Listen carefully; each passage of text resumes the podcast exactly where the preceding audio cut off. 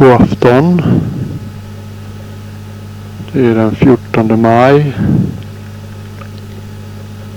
Och jag sitter i Vultures Peak, Adjan Passanos Kutti som vi kallar den. De brända tallstammarna runt omkring.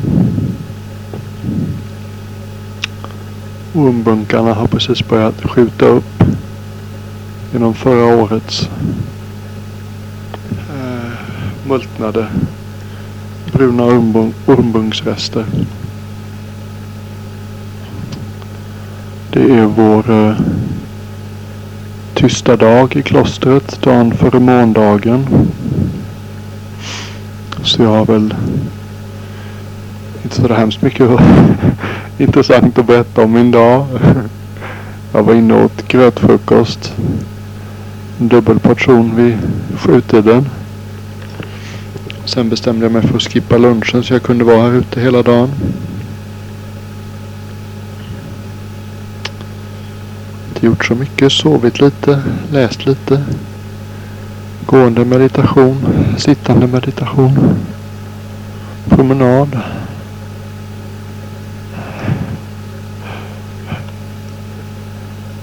Jag har haft en hemskt skön dag. Men kanske inte eran idé om en spännande dag. Jag har läst, läst, jag har ju satsat läst pappas bok tidigare. Och så vitt jag förstod på prologen så var det inte så mycket nya tillskott. Men det var en del redigering som jag tyckte som jag tyckte var bra. En del av mina förslag som jag noterade pappa hade anammat. Det var roligt att läsa den. Jag läste den eh, kursivt på vissa ställen andra gången och mera ingående på andra ställen. Av någon anledning så tyckte jag, tyckte jag mera om den andra läsningen. Jag tror inte enbart att det beror på förändringar i boken. Jag tror också det beror, förändringar, beror på förändringar i mig.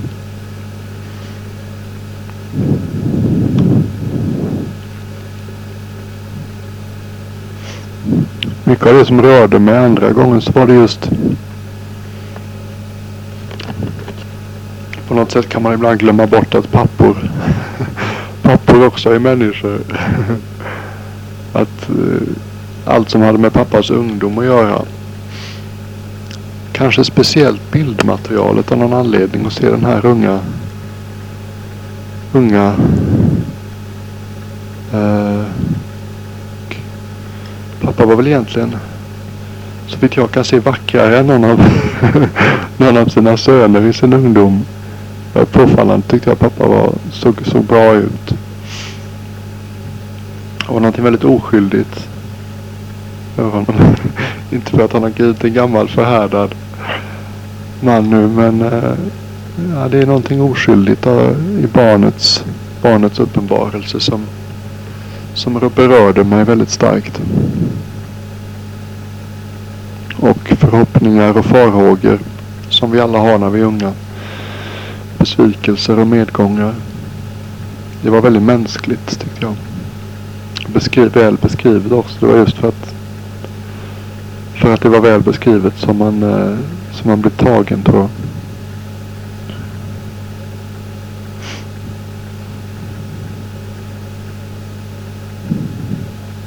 Och samtidigt som de allmänmänskliga, ska vi säga, sidorna eh, nådde fram till mig så var det samtidigt en påminnelse om hur olika vi är. jag kände det på vissa ställen i beskrivningen av mig så kände jag att pappa och jag är ganska olika på många sätt.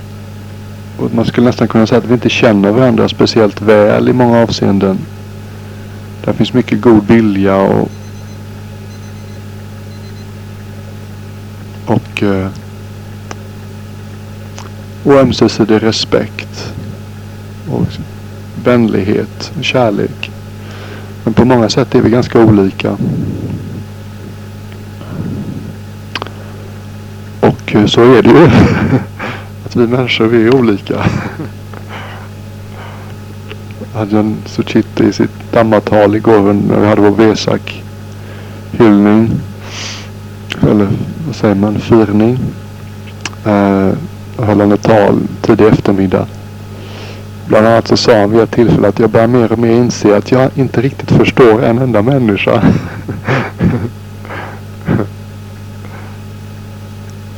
På något sätt den här paradoxen att vi är alla likadana i vissa avseenden.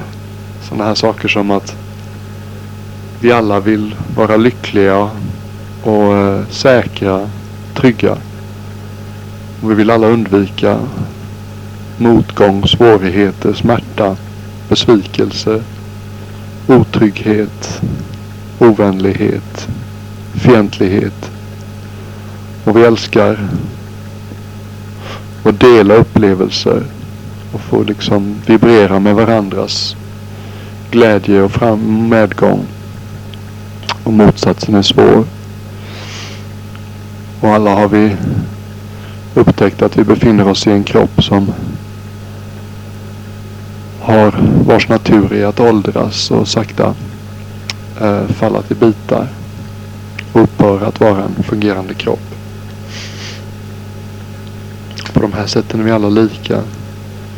Och samtidigt är det bagaget som vi har plockat upp under livet och kanske även tidigare redan när vi kom in till det här livet.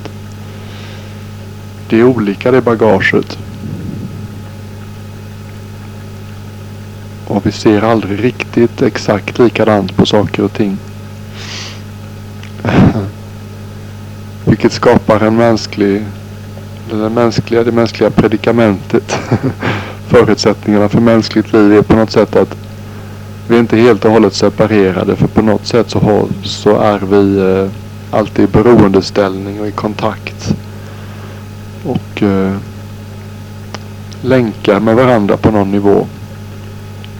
Vissa av de nivåer är nog närmast mystiska. Och vissa nivåer är mer praktiska. Sånt här som att vi är beroende av varandra för, för att eh, de enklaste grundläggande mänskliga behoven ska kunna tillfredsställas. Att eh, producera mat åt varandra och husrum åt varandra och trygghet åt varandra. Och sen de mer mystiska nivåerna där människorna i våra liv, deras medgång och motgång på något sätt så eh, resonerar. Resonate, säger man resonerar. Det, det ekar i vårt inre på något vis, varken vi vill det eller inte. Så är vi samlänkade på något, något mystiskt vis.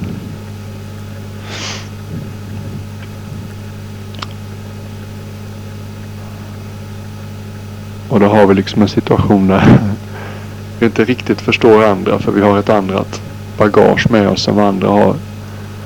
Och samtidigt så är vi förbundna till varandra. Så vi kan aldrig riktigt vända oss bort och vara helt och hållet självständiga. Men vi kan aldrig riktigt heller uppgå i varandra och fullständigt förenas. Någonstans där mittemellan så befinner vi oss i den här märkliga upplevelsen som kallas att vara människa. Men en sån sak som pappas bok den gör då i alla fall för mig att, att, jag, att jag mer kan förstå och leva mig in i en annan människas eh, liv och tillvaro och uppfattning. Vilket ju alltid hjälper och känns speciellt upplyftande och meningsfullt när det då är ens egen pappa.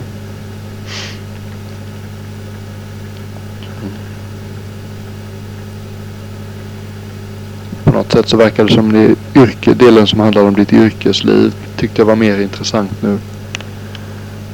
Uh, jag vet inte riktigt vad det beror på egentligen. Jag kanske är lite mindre lätthotad nu för tiden än jag varit tidigare. Jag känner mig mer liksom säker och uh, confident, uh, trygg i mitt val.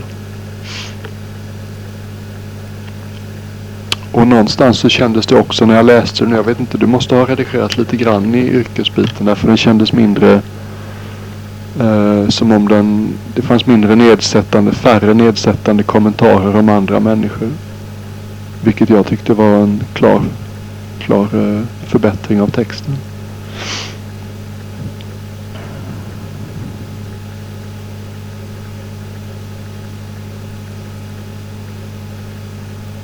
Mm. Bildmaterialet är väl egentligen det som, som var den stora glada tillskottet till texten sen jag såg den. Det är märkligt med sådana här gamla bilder liksom. Ja det är jag men det är ändå inte jag. Ja det är pappa men det är inte pappa. Ja det är vår familj men det är ändå inte riktigt vår familj.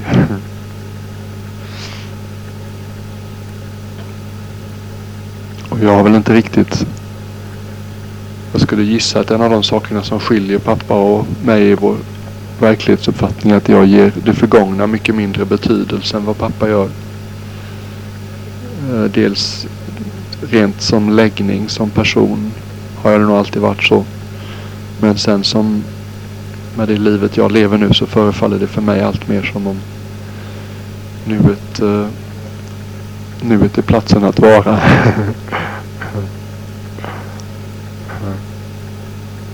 Och den innehåller egentligen allt. Allt från det förgångna som, som fortfarande är eh, aktuellt eller tillgängligt eller påverkande. Mm.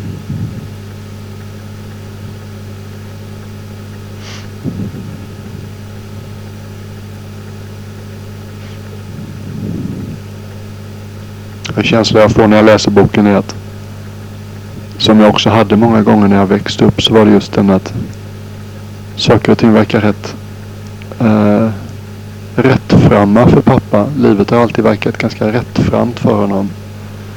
Hans glädjeämnen och hans eh, besvikelser har alltid varit ganska klara upplevelser. Han, eh, så, jag hade väldigt ofta en känsla i livet när jag växte upp att det är inte så enkelt för mig. Det är inte ett värderande eller ett omdöme. Bara en beskrivning av hur det, hur det företog, föreföll sig. Hur det, eh, hur det kändes att vara jag. inte sällan så kunde jag till och med önska att livet skulle vara lika svart och vitt och rakt på sak för mig som det var för pappa. Men det var inte det.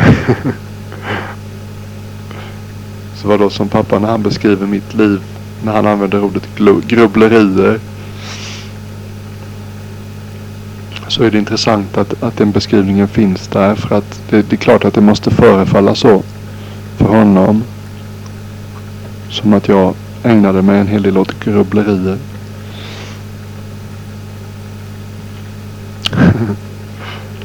Och från mitt perspektiv så kunde pappas liv te sig som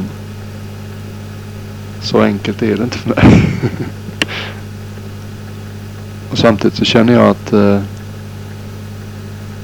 säga, jag har haft en fantastisk eh, nytta. Eller vad ska vi säga?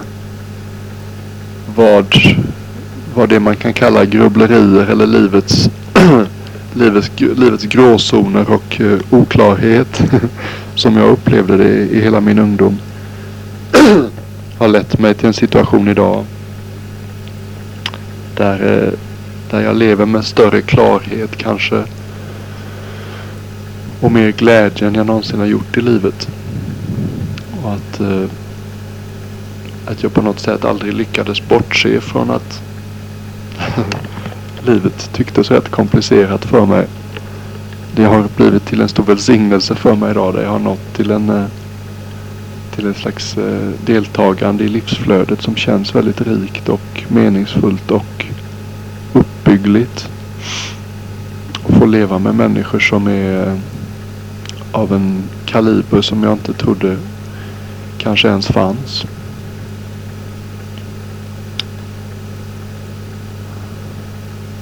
Och att det finns en slags eh, Ja, att få leva med en nivå av meningsfullhet. Den dagliga, dagliga kampen. Som jag hade gett upp. Tror jag. Innan jag hittade det här. och som jag inte riktigt har klart för mig vad den innebär. Men som eh, intuitivt så känner jag att eh, det är lite som någon som har hittat någonting som så man är förälskad eller någonting. Och det är inte så lätt att säga exakt varför man är förälskad eller vad det är som gör den här människan man har hittat och förälskat sig så fantastisk. Men, eh, men man, man känner det bara. Jag skulle kunna formulera en hel del av det men det blir så kan bli ganska cerebralt när man ska göra det.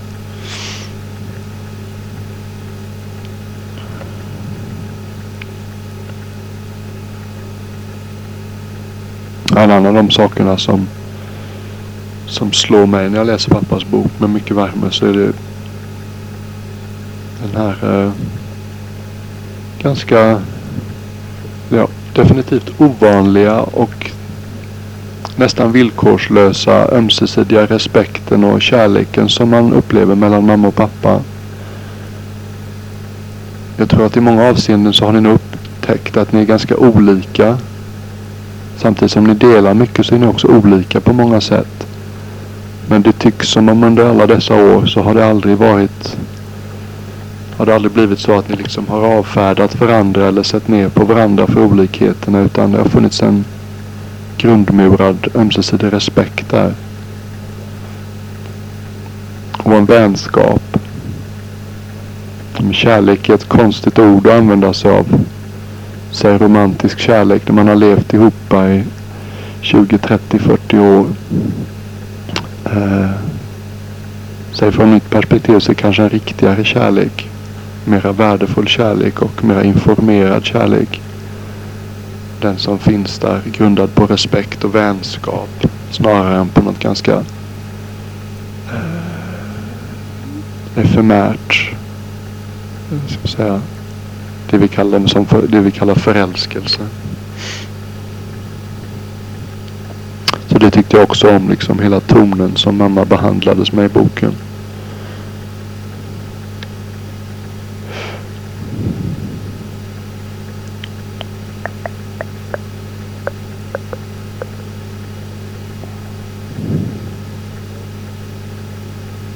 Jag tror definitivt att anledningen till att Hans kallades för Mulle, det hade någonting med skogsmulle att göra. Jag vet, inte om ni kommer ihåg det, men skogsmulle det var någonting man kunde vara i Hovås, Göteborg, när vi växte upp. Jag tror jag var skogsmulle en gång, men jag, jag tror det var någon orientering man förväntades delta i, men jag ägnade mig åt att plocka de mogna bären i skogen och äta dem. var inte speciellt intresserad av. Det var någon orientering, i kombination med poängpromenad eller någonting sånt. Jag har för mig att Hans var lite mer intresserad av orientering. eller skogsmullelivet. Sen tror jag också att det är Jag tror att när mänsklig kärlek springer upp ur hjärtat så kan det uttryckas i vissa ljud. Och det är sådana här ljud som Pysseliss och Momma. och Paltas och Mulle. Robban Brobergs Mullen. Jag tror att ibland så behöver kärlek uttryck i ord. Och då behövs det nya ord för att alla de som redan har myntats de känns lite att de inte riktigt träffar mitt i prick. Och det är då man skapar några nya. Kan jag försöka fråga Butchi varför han heter Butchi? jag tror att det börjar med K. Butchi, Butchi, Butchi, Butchi, Butchi. Lekte med lillen. Så tror jag många, många av våra smeknamn förstår. Och det står också att ingen vet var Kylle kommer ifrån. Men jag hade en bestämd uppfattning om var Kylle kommer ifrån. Jag trodde att det var så att en papiljott på skånska hette en kylla.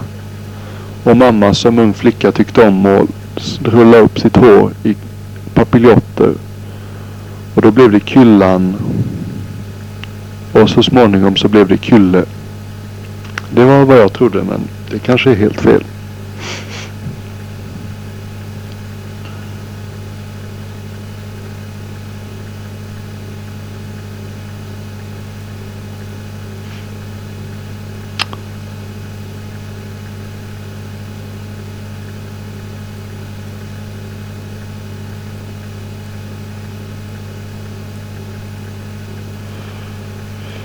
För att övergå till någonting annat så är det ju faktiskt så att huvudskälet till det här kassettbandet är mammas födelsedag som förestår.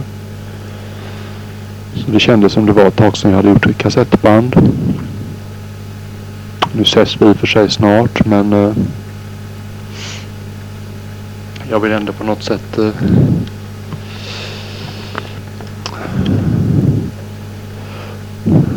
bidra. Trollet bidrar ju med ett väldigt fint kort som ni har sett. I det här laget. Jag ska ta fram kortet och titta på det själv här så.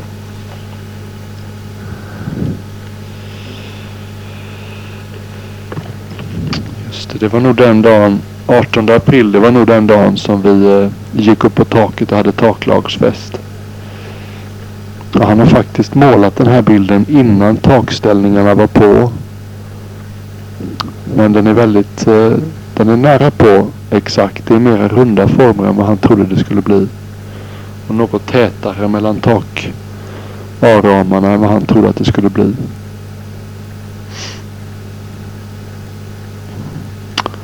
Och när vi sjunger då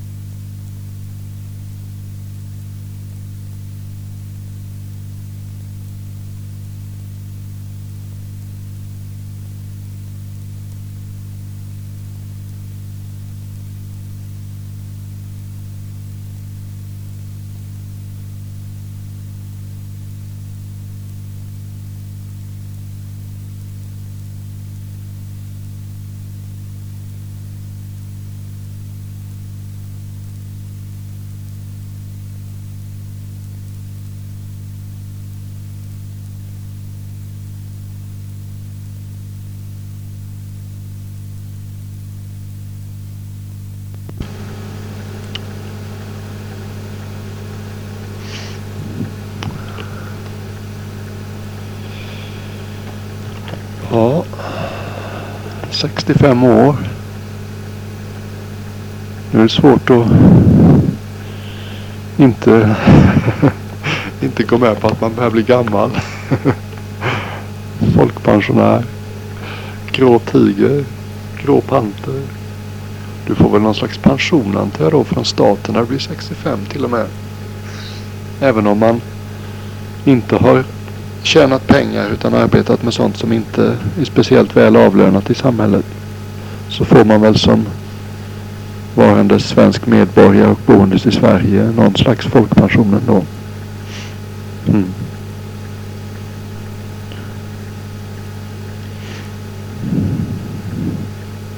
Jag har, aldrig, jag har aldrig riktigt haft förmågan att ta födelsedagar speciellt mycket på allvar. Även om jag förmodligen från ert håll så tycker ni att jag är ganska, ska vi säga, pålitlig med att komma ihåg dem. för mig är det mest liksom ett, en ursäkt för att höra av sig.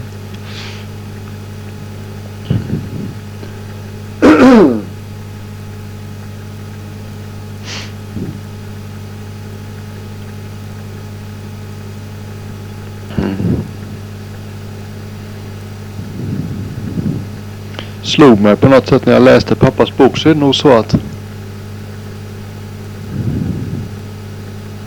jag är nog mer mammas pojke egentligen. det kanske är helt uppenbart för alla andra men jag har aldrig, aldrig riktigt tänkt så.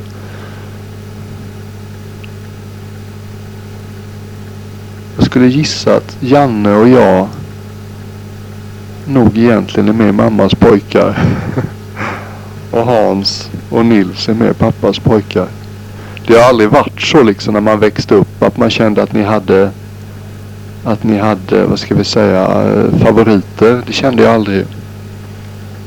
Men om man ska, om man ska tala i de termerna överhuvudtaget, vilket man kanske inte ska, så är det är nog känslan den att Hans eller Janne och jag har känt oss mer förstådda hos och förstådda av och kanske mer nära på vissa sätt mamma.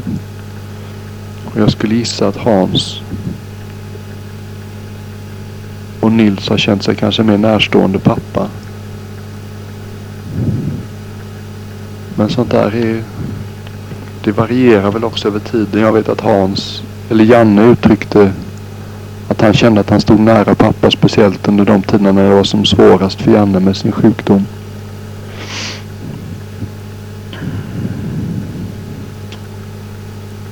Sen beror det väl också på vilket område i livet man, man talar om.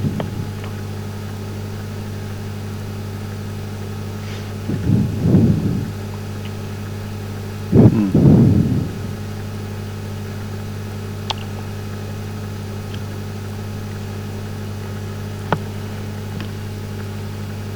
Jag står väl på sätt och vis det finns en närhet mellan mamma och mig nu för tiden som väl handlar en del om eh, ska vi säga, det, att mamma verkar ha så lätt för att ta sig till det livet som vi lever här och verkar trivas så bra när hon kommer och bor hos oss.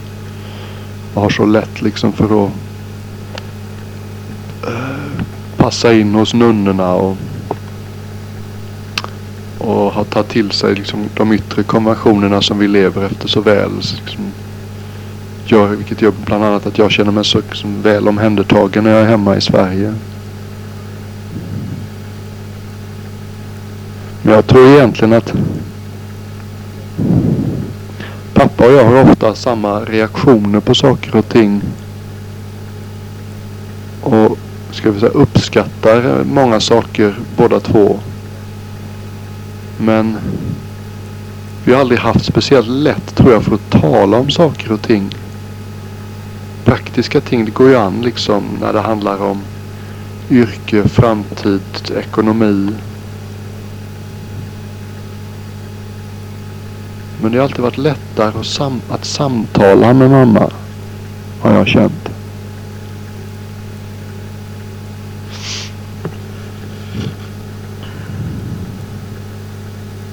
Jag tror att stora delar av pappas föreställningsvärld har du egentligen har du aldrig tränat dig själv i att uttrycka dig om?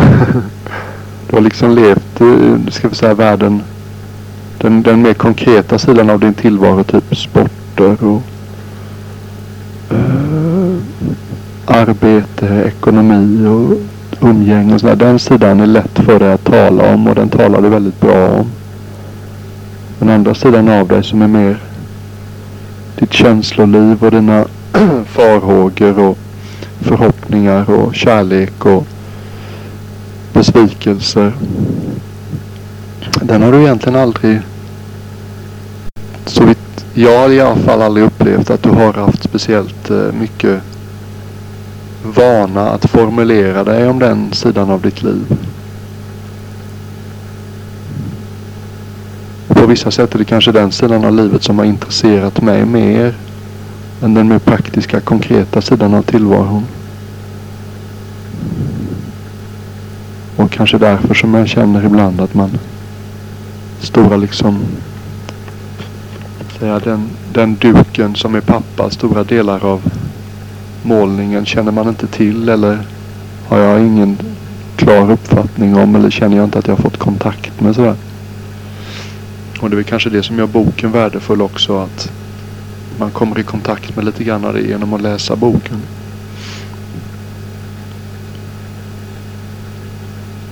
Och ibland har jag känt att jag har kommit pappa närmare under de tiderna där det har funnits motgångar och svårigheter eh, i livet. Därför då på något sätt tvingas man att uttrycka sig och hantera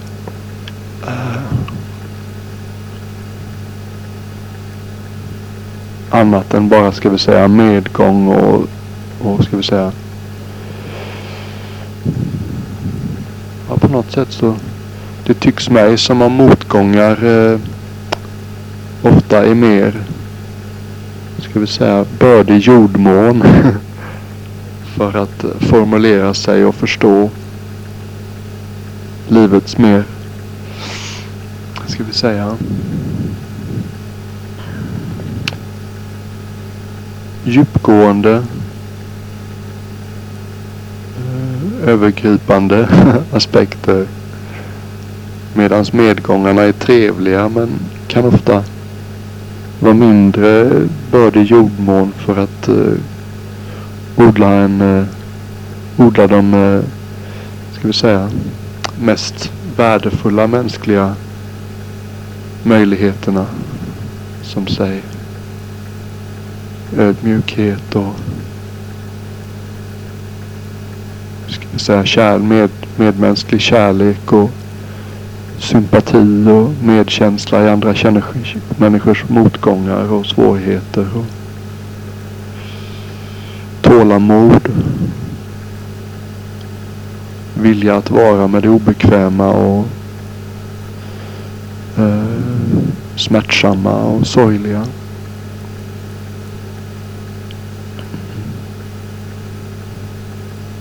Och den sidan av pappa kanske man eller inte fall jag, jag i alla fall har inte hört den formulerad så ofta. Även om den givetvis finns där.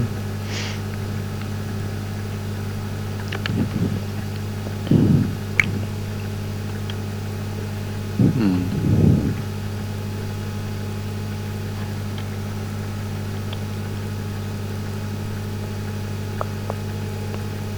Det var på något sätt så det var, det var en märklig upplevelse igår när jag talade i telefon med mamma och pappa. Att, och höra om eh, Hans och Hannas dotter. Och de speciella omständigheterna som rådde kring födseln och kring flickan.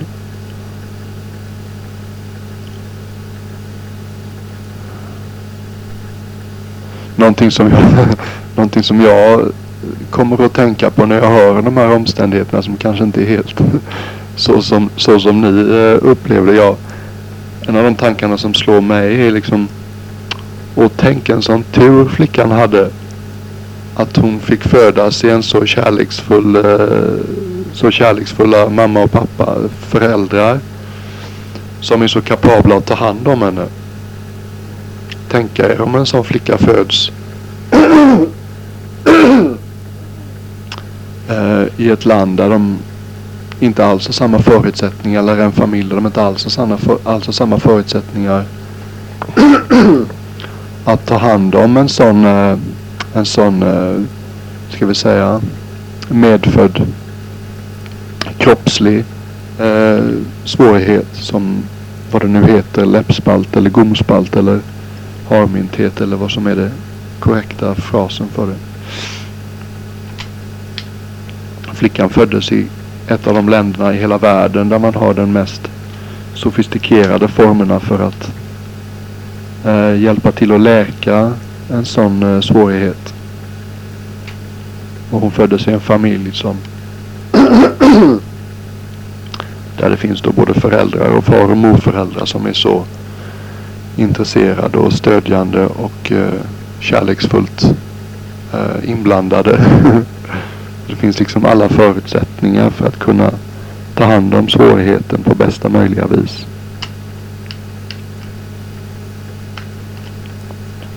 Det kanske inte kanske är ett lite ovanligt perspektiv för er men, men det är så jag det är en sak som kommer till sinnet för mig. Oh, en sån tur att de föddes där så att det kan bli åtgärdat och att de kan tas om hand. Att man kan välja skolor åt det när de kommer att uh, så lite få så lite hjärtesorg som, som är möjligt av en sån sak.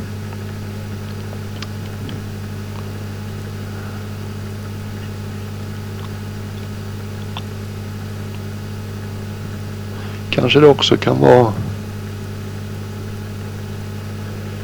Jag vet inte, det finns så mycket fåfänga i samhället nu för tiden så jag på något sätt så kan det kanske vara en fin eh, möjlighet att lära sig lite om att om alla, vad ska vi säga, om alla de sidorna i ett, ett, en människas skönhet som inte har att göra med den yttre skönheten. Det kommer säkert bli en, en väldigt rörande upplevelse för, för Hans och Hanna, mor och farföräldrar att eh, när man upplever den här inre skönheten i ett barn liksom. Den villkorslösa kärleken och eh, den starka inre driften till att ta hand om och skydda och, eh, och ge mänsklig värme till ett barn. Oavsett om det kanske är rent tekniskt mest vackraste barnet på planeten eller inte. Något sätt i en förälders ögon så är kanske ens egna barn alltid vackra på sitt eget sätt.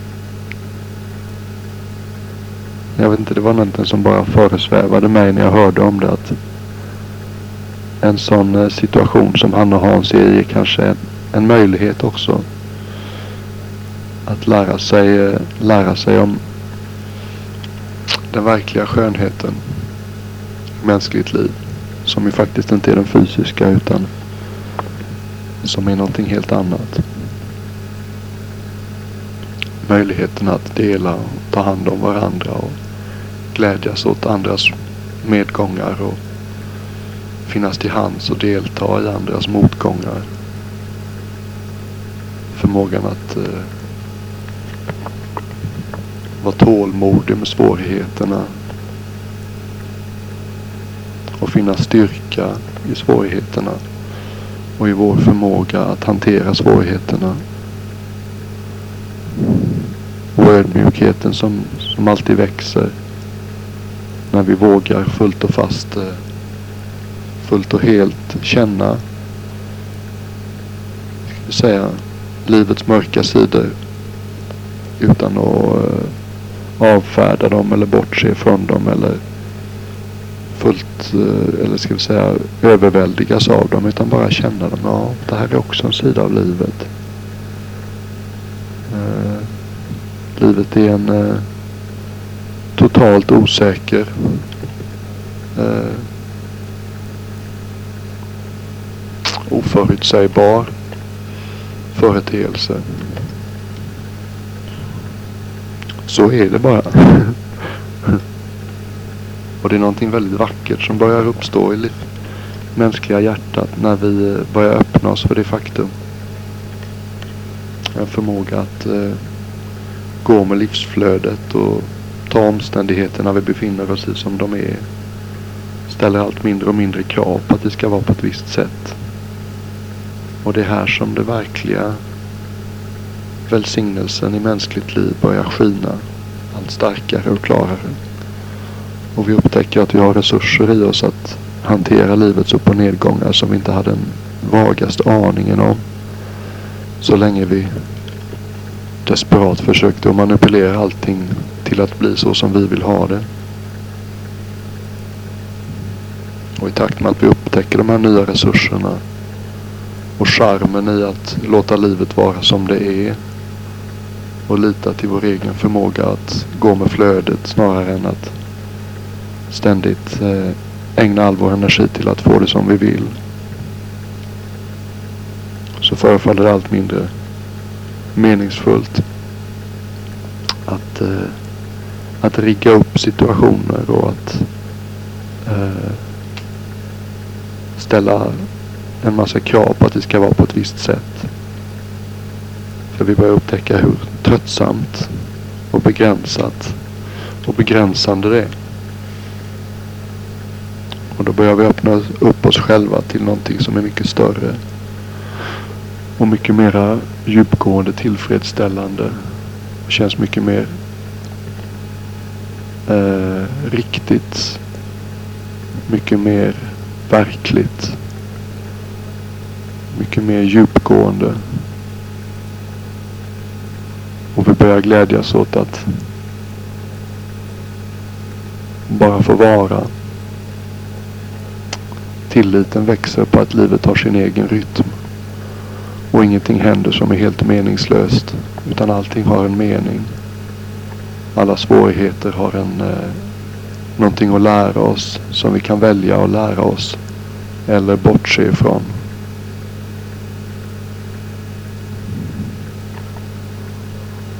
Och så småningom så börjar vi kanske upptäcka hur hur mycket o... ska vi kalla det? Om vi ständigt väljer att titta bort ifrån allt det som vi inte tycker om eller som är svårt. Så eh, i samma takt och i samma utsträckning som vi väljer att inte känna livets svåra känslor. I samma utsträckning så förminskas vår förmåga att känna livets ljusa, starka, goda, upplyftande, glada känslor. Och livet kan lätt bli en, eh, en väldigt platt, smaklös, neutral, utspädd och begränsad upplevelse. Och det här är olyckligt. Därför meningen är alldeles säkert att vi ska lära oss att stå med ögonen öppna och öronen öppna och bröstet, bröstet blottat och fötterna på jorden och ta in hela livs, livsupplevelsen. Och det här är något eh, det är något unsettling, vad säger man? Det känns lite pirrigt i början därför att eh, vanorna är ofta så djupt rotade att eh, se bort ifrån det som är obehagligt. Men eh, det är väl värt besväret så vitt jag kan se. Ja, för livet blir så mycket rikare och så mycket mer innehållsrikt och uh, mening. Det ska jag säga. It makes sense. uh,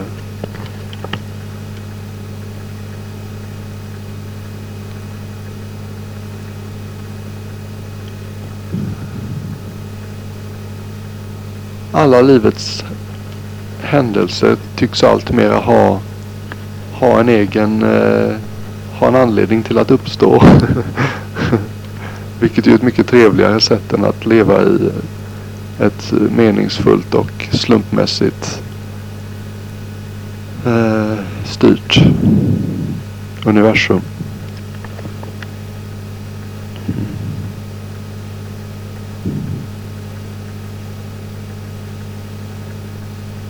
Jag vet inte riktigt. Jag, jag tycks vara på ett filosofiskt humör idag men eh, det det på något sätt, jag vet inte hur väl det framgår, men jag skulle gärna vilja presentera möjligheten för Hans och Hanna att det finns en massa välsignelser i vad som på ytan kan tyckas vara en eh, allt annat än en välsignelse.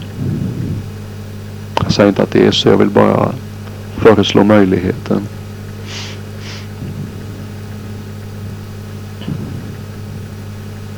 Jag ser själv väldigt mycket fram emot att få träffa flickan när det Kanske till och med i juni om jag har tur.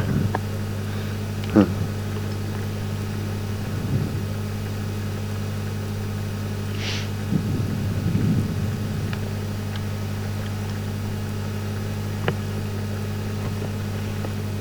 Jag vet inte hur länge man ska vänta innan man har dop. Jag har för mig att de dopen jag kommer ihåg så har de varit väldigt små bebisarna. tycker ni ska ha dopet på Hans födelsedag så kan jag delta.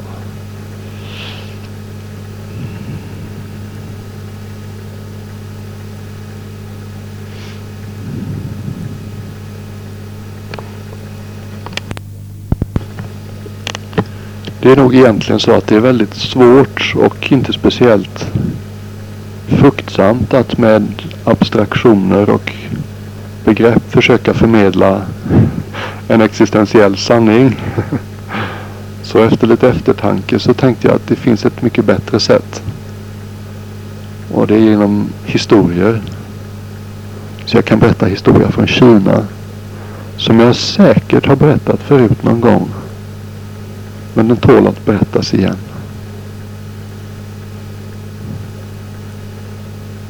En kinesisk familj på landet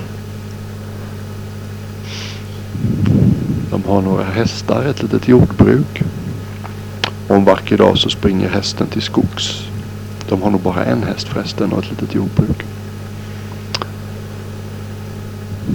Och så kommer grannarna och så säger de Åh stackars er, eran enda häst har sprungit till skogs. Oj oj oj, ve och fasa. Ett sånt, en sån katastrof. Men pappan i familjen är en vis gammal man. Så han svarar. Det vet man aldrig. Den som lever får se. Ingenting är säkert. En tid senare så dyker hästen upp igen från skogen. Och han har bekantat sig med en vildhäst som också kommer med hem till familjen. Så nu har de två hästar. Och grannarna de kommer igen. Åh lyckostar. Tänk en sån tur ni har. Ni hade ingen häst alls och nu har ni två. Och lyckans lyckans ostar. Och den gamla mannen han låter sig inte skakas. Han har, varit, han har levt för länge, sett för mycket och är för klok. Så han säger Ja, det vet man aldrig. Den som lever får se. Livet är osäkert. Och så småningom så börjar sonen i familjen att träna vildhästen. Jag vet inte vad man säger på svenska. Rida in den. Och i sina övningar med att göra det så faller han av hästen. Och bryter benet. Och sonen är nästan oumbärlig för det lilla jordbruket. Det är svårt för dem att få in skörden utan honom för pappan är gammal. Och grannarna de dyker upp igen och så säger de Åh stackars er, ve och fasa. Ett sånt elände. Men pappan han låter sig inte skakas. Han säger Det vet man aldrig.